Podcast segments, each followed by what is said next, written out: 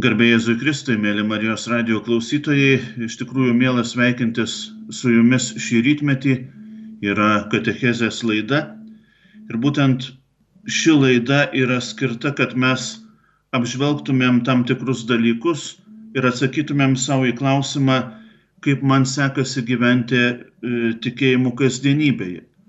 Ir galbūt e, ši išvalga, šis trumpas sakinys ir yra kiekvienam iš mūsų šio gero pusvalandžio tema, kaip man sekasi gyventi tikėjimu kasdienybėje ir tikrai, kai pagalvoji ir tam tikrų iššūkių, tam tikrų džiaugsmų mūsų kasdienybėje atsiranda. Iš tiesų mes gyvename nelengvais laikais.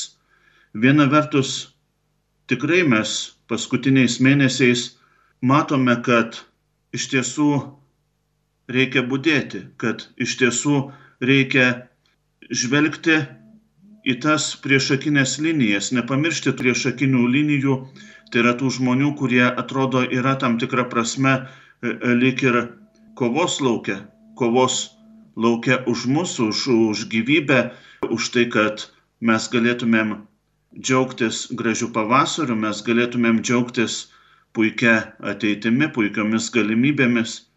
Ne vieno iš mūsų žvilgsniai krypsta į medikus, į, į tuos žmonės, kur, kaip minėjau, yra liktai priešakinėse linijose. Be abejo, jeigu mes atsiverstumėm kokią nors žiniasklaidos priemonę, mes matytumėm visko, mes matytumėm ir džiaugsmo, ir dėkingumo, ir galbūt kritikos. Kritikuoti yra lengviausia.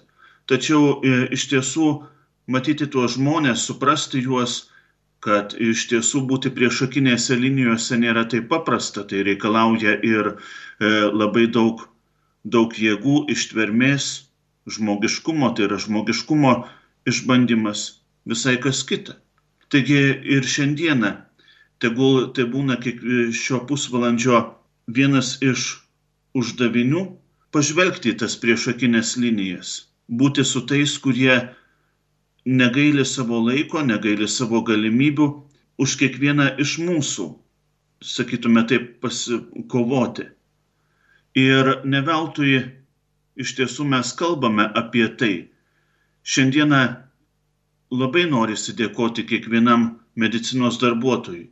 Nuoširdžiai norisi dėkoti kiekvienam žmogui, kuris galbūt visiškai atsitiktinai ligoninėje paėmė kokią nors lėkštelę, kokį nors puoduką kuris pagelbėjo artimui. Šiandien ypatingai norisi dėkoti tiems, kurie negailėjo savo laiko, negailėjo savo, savo emocijų, negailėjo galbūt proto laimėjimų, kad mūsų visuomenėje būtų mažiau skausmo ir nevilties. Kiekvienas tas prisilietimas prie žmogaus, kiekvienas prisilietimas prie silpnesniojo, tai reiškia ne ką kitą kaip begalinį laimėjimą jau begalinį laimėjimą, begalinę didybę. Taigi iš tiesų norisi dėkoti kiekvienam, kuris savo prisilietimu, savo buvimu, savo žingsniais, galbūt net ir savo abejonėmis, net ir savo žmogiškumu yra viešpaties rankos mums, viešpaties rankos šiai dienai.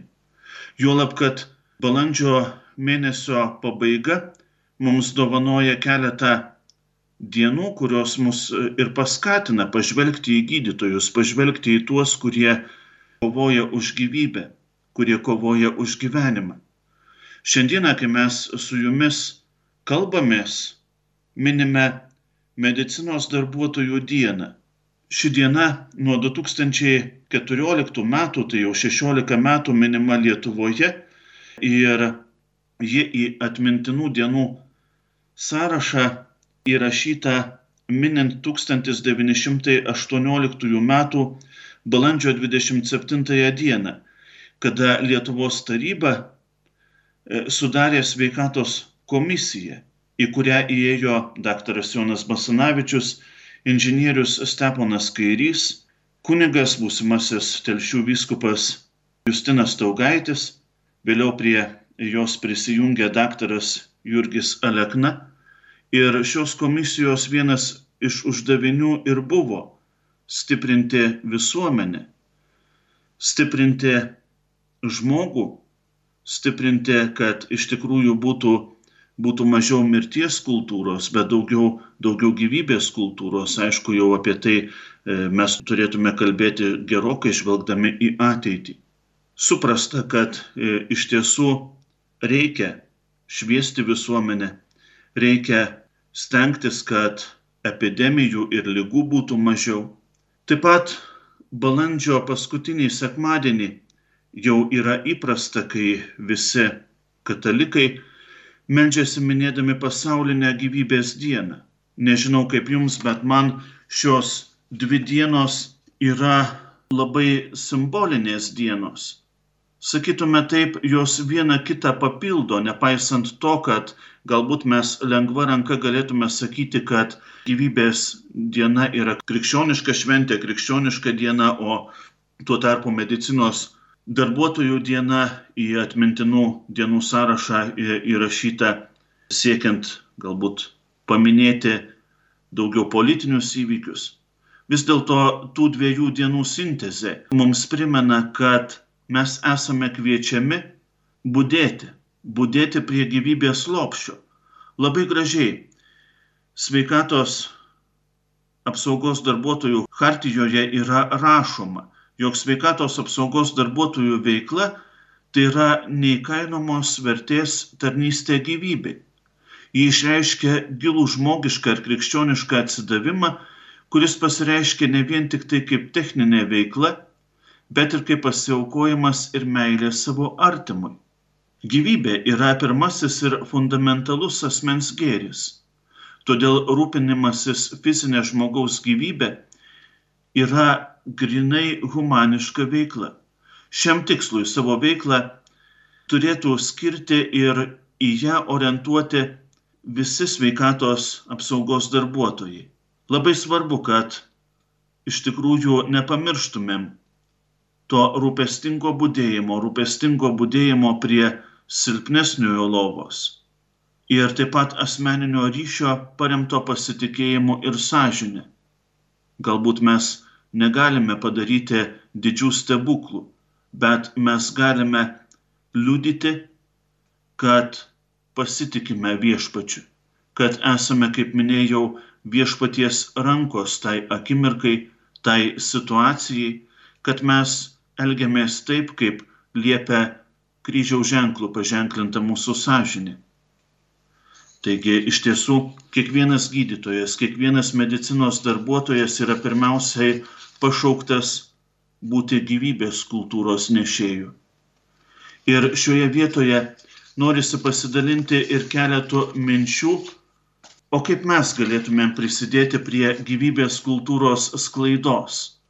Ar užtenka vien tik tai pakritikuoti, ar užtenka vien tik tai pasakyti, kad vienas ar kitas sveikatos priežiūros darbuotojas e, pasielgia vienaip ar kitaip, kad iš tiesų netaip nusišypsojo, netaip kokį nors poduką padavė, ar dar kažką tai.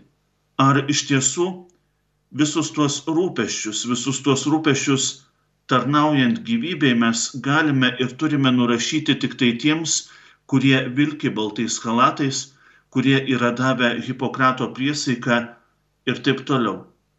Ar iš tiesų tarnystė gyvybei nereikalauja tam tikros aukos, tam tikro atsidavimo ar būtent, būtent iš manęs, būtent iš to žmogaus, kuris, kaip minėjau, kartais geba kritikuoti, bet jam yra didelis iššūkis, kai jam pačiam reikia paduoti galbūt kokį nors poduką, kai jį patį reikia pamokinti apkabinimo ar paglostimo meno. Kaip minėjau, reikėtų visuomet kalbėti ir mąstyti apie dviejų balandžio pabaigos mums duotų dienų sintezę. Tai yra ir gyvybės dienos sintezę ir Lietuvoje pas mus minima medicinos darbuotojų diena. Labai simboliškai sutampa, kad šios dienos yra viena šalia kitos. Medicinos darbuotojų diena mums primena kilniausią visų laikų pašaukimą tarnauti gyvybei. Būti kaip šventasis popiežius Jonas Paulius II kvietė gyvybės kultūros skleidėjais. Dažnai rodos, kad ta pati gyvybės kultūra yra tarsi teorija arba lieka tarsi teorija, paliekama tarsi teorija. Ypatingai šiais laikais, kada brukte brukamas kūno, sekularizmo, populiarumo kultas, kada žmogaus žvilgsnis lyg ir dirbtinai apribojamas pelnu materija, kada vis labiau pasiduodama materializmo įtakai. Vis dėlto, kas yra ta gyvybės kultūra? Paprastai tariant, tai yra grįžimas prie šaltinių, grįžimas prie vertybių, ištikimybė idealams, ištikimybė priesaikai, bet ne priemonėms. Labai džiaugiuosi, kai kas kartą kalbėdamasis su jaunimu galiu patirti, kad jiems svarbios vertybės, kad jiems svarbios vertybės tokios kaip meilė, kaip ištikimybė, kaip tiesa. Tačiau kita vertus šiandien prie to vis labiau reikia sugrįžti. Kartais tas sugrįžimo procesas turi būti tikrai radikalus. Ypatingai dabar, kai išgyvename sudėtingus laikus, kai nėra aišku, ką ir kaip mylime ir ar mylime. Man atrodo, kad tą mūsų išgyvenamą laikmetį Dievas mums ir davė kaip dovana, kad paprasčiausiai sugrįžtumėm, kad stapteltumėm, kad susimastytumėm. Į ką reikėtų atkreipti dėmesį, prie ko sugrįžti, kai viena vertus atrodo, kad tikrai išgyvename problemiškus laikus, įtakotus koronaviruso arba kokiu nors kitų išbandymų. Ir kita vertus, kai minime gyvybės dieną, kai minime medicinos darbuotojų dieną. Tik iš pažiūros atrodo šie klausimai nesudėtingi. Tik iš pažiūros atrodo, kad grįžimui tai reikia tik vieno, tik tai staptelėjimo. Kita vertus, kaip sudėtinga staptelt. Vienu žodžiu ir konkrečiai į šios klausimus neįmanoma atsakyti. Vienok tarsi norisi, kad tas, tuos atsakymus kiekvienas iš mūsų konkrečiai ir asmeniškai atrastumėm. Bent jau man dalinantis su jumis, mėly Marijos radio klausytojai, šioje katechezės laidoje, mintimis prieš akis iškyla keletas Evangelijos epizodų. Pirmiausia, noriu pasidalinti visiems labai gerai žinomu tekstu, kurį užrašęs yra šventasis evangelistas Lukas. Norėdamas pasiteisinti, vienas įstatymo mokytojas Jėzų paklausė, o kasgi mano artimas? Jėzus prabilo. Vienas žmogus keliavo iš Jeruzalės į Jerichą ir pakliuvo į plėšikų rankas. Tie išrengė jį, sumušė ir nuėjo savo, palikdami pusgyvį. Atsitiktinai tuo pačiu keliu ėjo vienas kunigas. Jis pamatė, bet praėjo kita kelio pusė. Taip pat ir Levitas pro tą vietą eidamas jį matė ir praėjo kita kelio pusė. O vienas pakeleivis samarietis užtikęs jį pasigailėjo. Jis priejo prie jo, užpylė ant žaizdų aliejaus ir vyno, aptvarstė jas, paskui iškėlęs ant savo gyvulio nugabeno į užėgą ir slaugė jį. Kita diena jis išėmė du denarus, padavė užėgo šeimininkui ir tarė slaugyk jį. O jeigu išleisi ką viršaus, sugrįžęs aš tau atsilyginsiu. Jėzus klausė, kas iš šitų trijų tau atrodo buvęs artimas patekusiam į plėšikų rankas. Tas įstatymo mokytojas sakė, tas, kuris parodė jam gailestingumą. Jėzus atsako, eik ir tu taip daryk. Be abejo, kiekvienas iš mūsų mes prisiminsime tą įstatymo mokytoją, kuris klausė Jėzaus, o kas yra mano artimas? Ar jis nežinojo? Jėzus į šį klausimą atsako labai paprastai, tačiau labai praktiškai. Pakelėje žmogus, netekęs visko, apiplėštas, sužeistas. Kaip į tą žmogų reaguoja tie, kurie vieną ar kitą akimirką turi eiti tuo pačiu keliu. Kai kas praeina kitą kelio pusę. Prie nelaimėlio stepteli žmogus, kuris visiškai ko gero neturi jokios galimybės prisiliesti prie išrinktosios tautos piliečių. Dėl istorinių aplinkybių, dėl įsitikinimų ir dėl, galbūt ir dėl daugybės kitų priežasčių. Tačiau jis tapteli. Jis pasielgia kitaip nei tie, kurie turėjo pareigą prieiti, nes žinojo reikalavimą, kurie galėjo pagelbėti, kurie, kaip minėjau, žinojo įstatymus, tačiau pasielgė visiškai kitaip, kardinaliai kitaip, negu įstatymai reikalauja. To gerojo žmogaus, to gerojo samariečio kišenėje lyg ir atsitiktinai buvo aliejaus ir vyno, lyg ir atsitiktinai tokiems atvejams. Artimo meilės atvejams, kada jau neužtenka žinoti, kada jau reikia liudyti. Reikia liudyti ne definicijomis ir ne teorija. Atrodo, viskas vyko atsitiktinai, tačiau meilėje atsitiktinumų nebūna. Be abejo, jų ir nereikia. Žmogus randa ne tik aliejaus ir vyno. Žmogus randa ne tik keletą denarų, kuriuos išleidžia, galėtume sakyti, slaugai. Tačiau svarbiausia, kad žmogus randa laiko prisiliesti. Randa laiko užkelti nelaimėlį ant savojo gyvulio ir vežti į užeigą Žmogus atranda laiko atsakomybei, nebijodamas, jog prisilietimas prie žaizdų gali užkrėsti. Juk gulėti pakelės dulkėse netrumpą laiką reiškia ir riziką užsikrėsti kokiomis nors infekcijomis. O juk ir šiandien, ir anais laikais, kiekviena pakelės dulkė tikrai nebuvo dezinfekuota. Nebuvo ir nėra tam jokių galimybių. Juk ir mūsų mokslo laimėjimai dar nesuskaičiavo pakelės dulkių, nežinome jų skaičiaus. Vis dėlto sukrečia ne pats pasakojimo kontekstas, kurį keliais žodžiais nupasakojau. Bent jau mane sukrečia ir pasirodo bent jau man kaip niekad aktualus paskutinysis Jėzaus sakinys - eik ir tu taip daryk.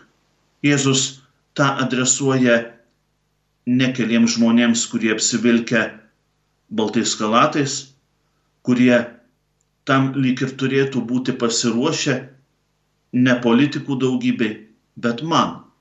Eik ir tu taip daryk.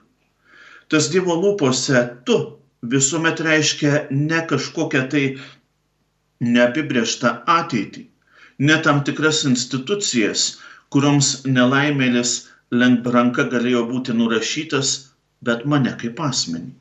Tai išreiškia ir apima visą mano ir būtent mano gyvenimą. Šį žodį, žodį mano, galbūt galėtume tiesiog įskaidyti po kiekvieną raidę ir ją apmastyti. Šiuo atveju Dievui e, svarbiau ne koks nors bevardis jūs, bet tu, kuriuo išreiškiamas asmuo.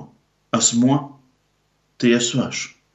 Taigi reikia klausti, ką aš padariau, kad to žmogaus žaizdos, visuomenės žaizdos užgytų, nepuliuotų, nesklistų oro lašeliniu būdu ar kokiais kitais būdais. Dievas sako, tu neatsitiktinai.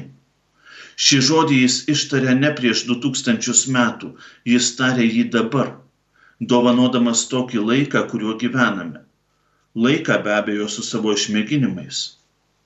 Ką aš padariau, kad būtų kitaip? Ką aš padariau, kad tos priešakinės linijos būtų gausesnės? Gausesnės ir apsiginklavusios pirmiausia pasitikėjimu. Gausesnės ir pasiruošusios atiduoti ir dovanoti ir visą savo laiką, visas savo žmogiškas jėgas, visą savo proto ar mokslinių laimėjimų patirtis man rodos, kuo toliau, tuo labiau atsakymo į būtent tokį paprastutį klausimą horizontas platėja. Galbūt nieko nepadariau, nes norėjau tik uždirbti, o atsakomybę už visuomenę, už jos veidą, jos sveikatą lengva ranka permečiau kitiems. Reikėtų atsiminti, kad pinigas, biznis, pelnas labai greitai gali tapti pavergiančiu stabu. Ta linija skirianti tai, kas reikalinga nuo stabo, yra tokia plonytė. Pavergiantis stabas. Iš tiesų jis gali pavergti tiek, kad grįžti iš šios vergovės bus labai sunku. Galbūt net ir vėlu.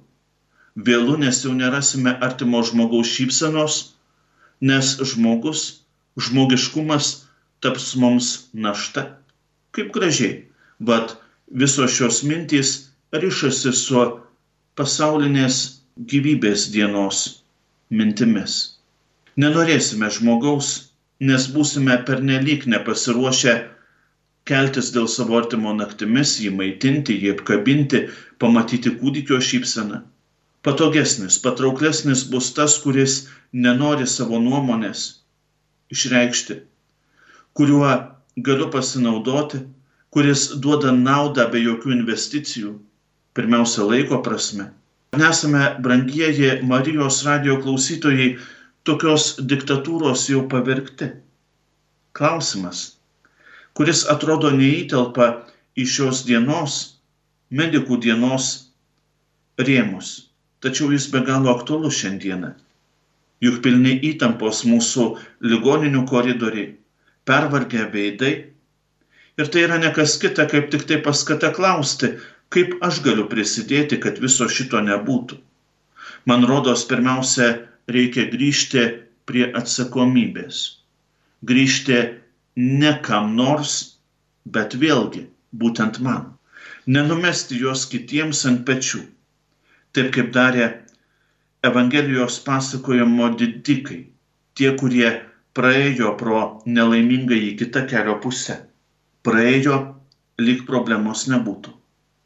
O iš tiesų labai lengvai jie ją tik permetė ant to samariečio pečių. Kur mes turime atnaujinti savo atsakomybę. Keletas dalykų, į kuriuos reikėtų kreipti dėmesį. Tai pirmiausia atsakomybė už aplinką, už pasaulį. Nereikia apsiriboti tik pinigų, tik pelnu.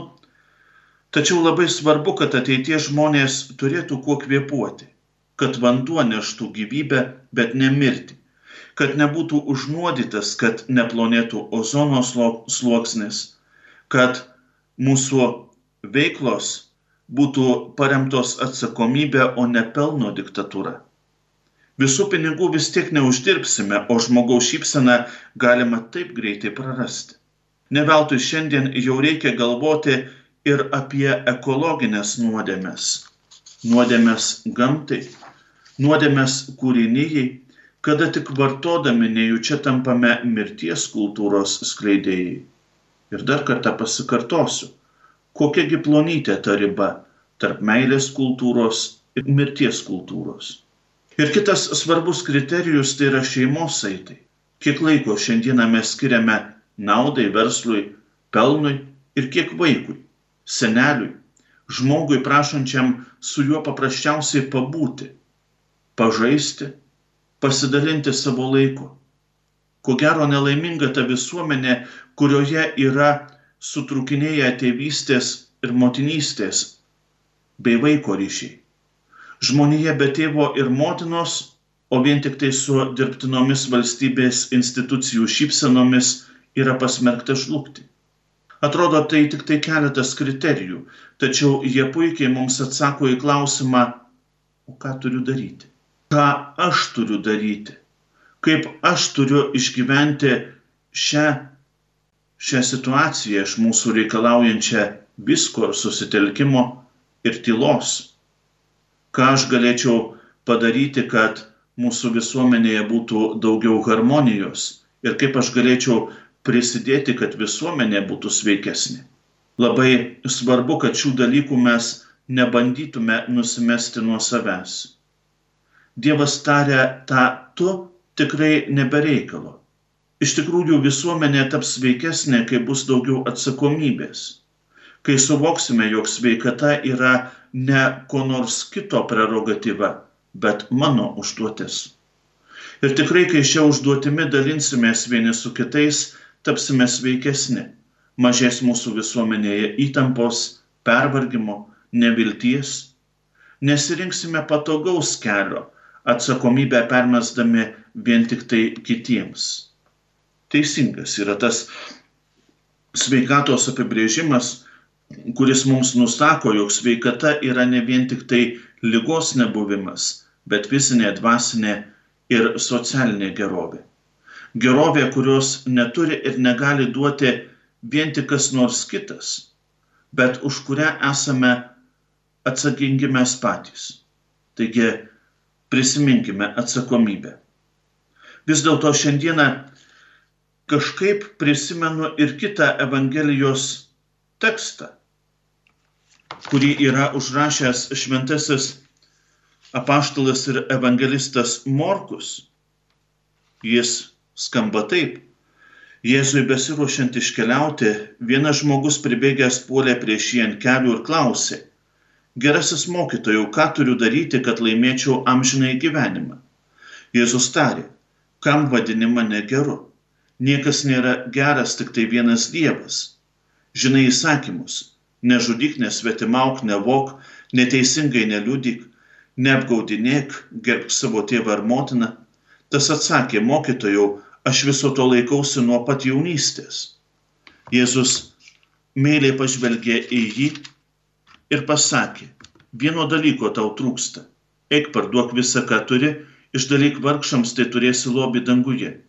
Tuomet ateik ir sek paskui mane. Po šių žodžių tasai apniuko ir nusiminęs pasitraukė, nes turėjo daug turto. Ką aš turiu daryti? Jaunuolis tokio klausimo klausė. Jis atrodo gyvenime turi viską. Tačiau klausia Jėzaus, ką turėčiau daryti, kad užsitikrinčiau amžinai išganimą. Iš tiesų, nebandysiu šiandieną spėti šio klausimo priežasčių. Žinoma, gal ir smalsu būtų jas žinoti. Man svarbu patirti tai, kad išgirdęs Jėzaus atsakymą, tas žmogus apniunka. Jo nuotaika kaip mat pasikeičia. O koks tas Jėzaus atsakymas? eik, parduok, išdalyk, išdalyk vargšams. Man atrodo, tas jaunuolis buvo be galo šiuolaikiškas, jis turėjo visko, visko, ko reikia, visko, ko širdis geidžia. Jis ko gero leido savo netgi nieko neklausyti, kad tik turėtų daugiau pelno. Dirbo, veikė daug, bet kartu ir nieko nenuveikė. Nes nenorėjo imtis iniciatyvos nes nenorėjo tam tikrą prasme savęs truputėlį suvaržyti, apniuko, nenorėjo visko išdalyti vargšams, nenorėjo būti atsakingu ne tik tai už save, bet ir už savo brolį. Mėly Marijos radio klausytojai, ar net pažįstame čia savęs? Ar mūsų akis dar geba matyti ne vien tik tai pelną, ne vien tik eurą, bet daug daugiau? Šis laikas ir yra grįžimas prie žvilgsnio į daugiau laikas. Tas daugiau tai atsakomybė ne vien už save ir savo pelną, bet ir už tą, kuris yra šalia. Štai prie ko mes turime sugrįžti šiandien ir dabar. Štai kas iš tiesų padarys mūsų visuomenę sveikesnę. Mėly medicinos įstaigų darbuotojai, šiandieną su jumis norisi dalintis keletų žodžių prieš akis matydamas jauną gydytoją suklupusi prie vienos ligoninės koplyčios durų, matau nuvargusias rankas, taip norinčias apkabinti artimuosius. Kartu džiaugiuosi, kartu jungiuosi prie gausybės padėkų ir maldavimų. Be abejo, adresuotų visiems. Šiandien esame daugiabriaunės kovos laukia. Be abejo, tai nėra kova dėl išlikimo. Tai yra kitoks laikas kada kovojame ir su simptomais, ir juo labiau su ta visuomenę nuodijančia nuostata, kad sirgti gali tik tai kaimynas, bet ne aš, kad man turi negalioti tai, kas kitiems privaloma. Tai reikia pripažinti sunki ir klastinga kova. Tačiau šiandieną mes neveltui savo mintis ir akis kreipiame į tuos, kurie yra priešakinėse linijose. Natūralu, iš tikrųjų, kad jaučiamės galbūt ir be perstojo blaškomoje luotelėje. Atrodo tikrai stiprios tos bangos, o tamsa tokia tiršta. Gal net mintis kyla, jog pamesime orientyrą. Mėly medicinos įstaigų darbuotojai, ar gali tai būti? Juk lyg ir iš tamsos ataidėta šiandien aktualus kvietimas. Jėzaus kvietimas nebijok mažoji kaimenė. Šį sakinį viešpats nepaliauja taręs ir man atrodo, jog jis taip tinka šiandien. Ir tarsi linkėjimas, ir tas tarsi kvietimas, ir tarsi pagoda. Tik šiandien išgirsti šį Dievo ištartą sakinį reikia lik ir tarp eilučių. Tarp didžiojo penktadienio skundo, mano Dieve, mano Dieve, kodėl mane apleidai ir prisikėlimo džiaugsmo.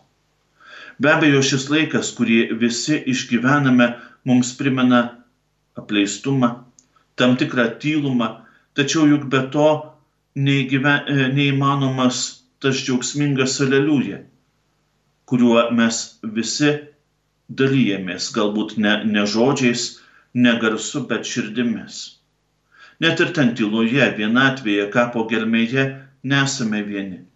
Viešpats nužengė į tylą tam, kad suviniotų mirties drobulės ir nuristų nevilties akmenis.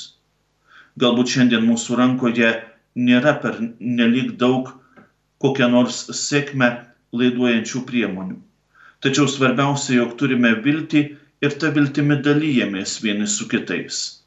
Jog viltimi galime įsklaidyti tuos grėsmingus tamsos bei panikos debesis. Brangieji, baigiantis šiai laidai norisi kreiptis į kiekvieną iš jūsų ir linkėti, nepaliaukime žvelgia į dangų. Gal ten pamatysime tik kuklę šakelę nojaus balandžio snape. Visgi žmonijai tai yra nauja užra, naujas gyvenimas, vėl prasidedantis rodos nuo pačių mažiausių dalykų. Nenuleiskime rankų, būdami aušros ir vilties nešėjais. Ir kryžiaus pergalė tikrai nušvis viešpats te stiprina kiekvieną kartu iki pergalės, kartu iki tikrai nuristo akmens. Tad, mėly medicinos įstaigų darbuotojai, mėly gyvybės kultūros skleidėjai, nepaliaukime džiaugiasis, būkime dėkingi vieni, kit, e, vieni kitais, dėkojime viešpačiui už tą nuostabų laiką, kada mes galime justi, jog gyvybės kultūra yra daug svaresnė už negantos kultūrą. Būkit pasveikinti gyvybės dienos ir medicinos darbuotojų dienos proga viešpats te laimina ir kiekvieną iš mūsų, kad mes atsakomybę už gyvybę nenurašytumėm ant kieno nors pečių, bet tą atsakomybę dalintumėmės, kad dalį atsakomybės taip pat neštumėme ir patys juk ir nuo mūsų priklauso, ar mūsų aplinkoje, ar mūsų gyvenime bus daugiau šypsenos ir džiaugsmo. Šypsenos ir džiaugsmo praskaidrinančio visokias sutemas. Mėly Marijos radio klausytojai, mintimis apie gyvybės dieną ir medicinos darbuotojų dieną dalyjausi aš, kunigas Lietuvos sveikatos mokslų universiteto Kauno klinikų kapelionas kunigas Nerijus Pipiras. Garbė Jėzui Kristui.